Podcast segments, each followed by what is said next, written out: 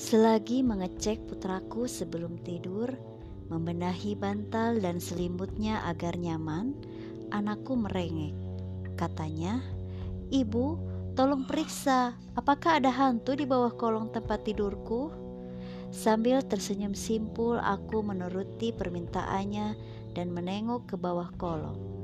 Di bawah kolong, aku menemukan sosok anakku, anak yang mirip persis dengan bocah di atas tempat tidurku.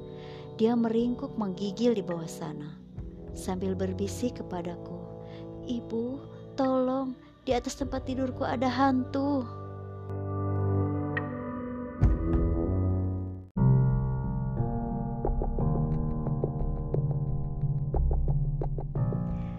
Ketika baru akan memutar kenop pintu kamar itu, aku mendengar pintu depan rumah terbuka.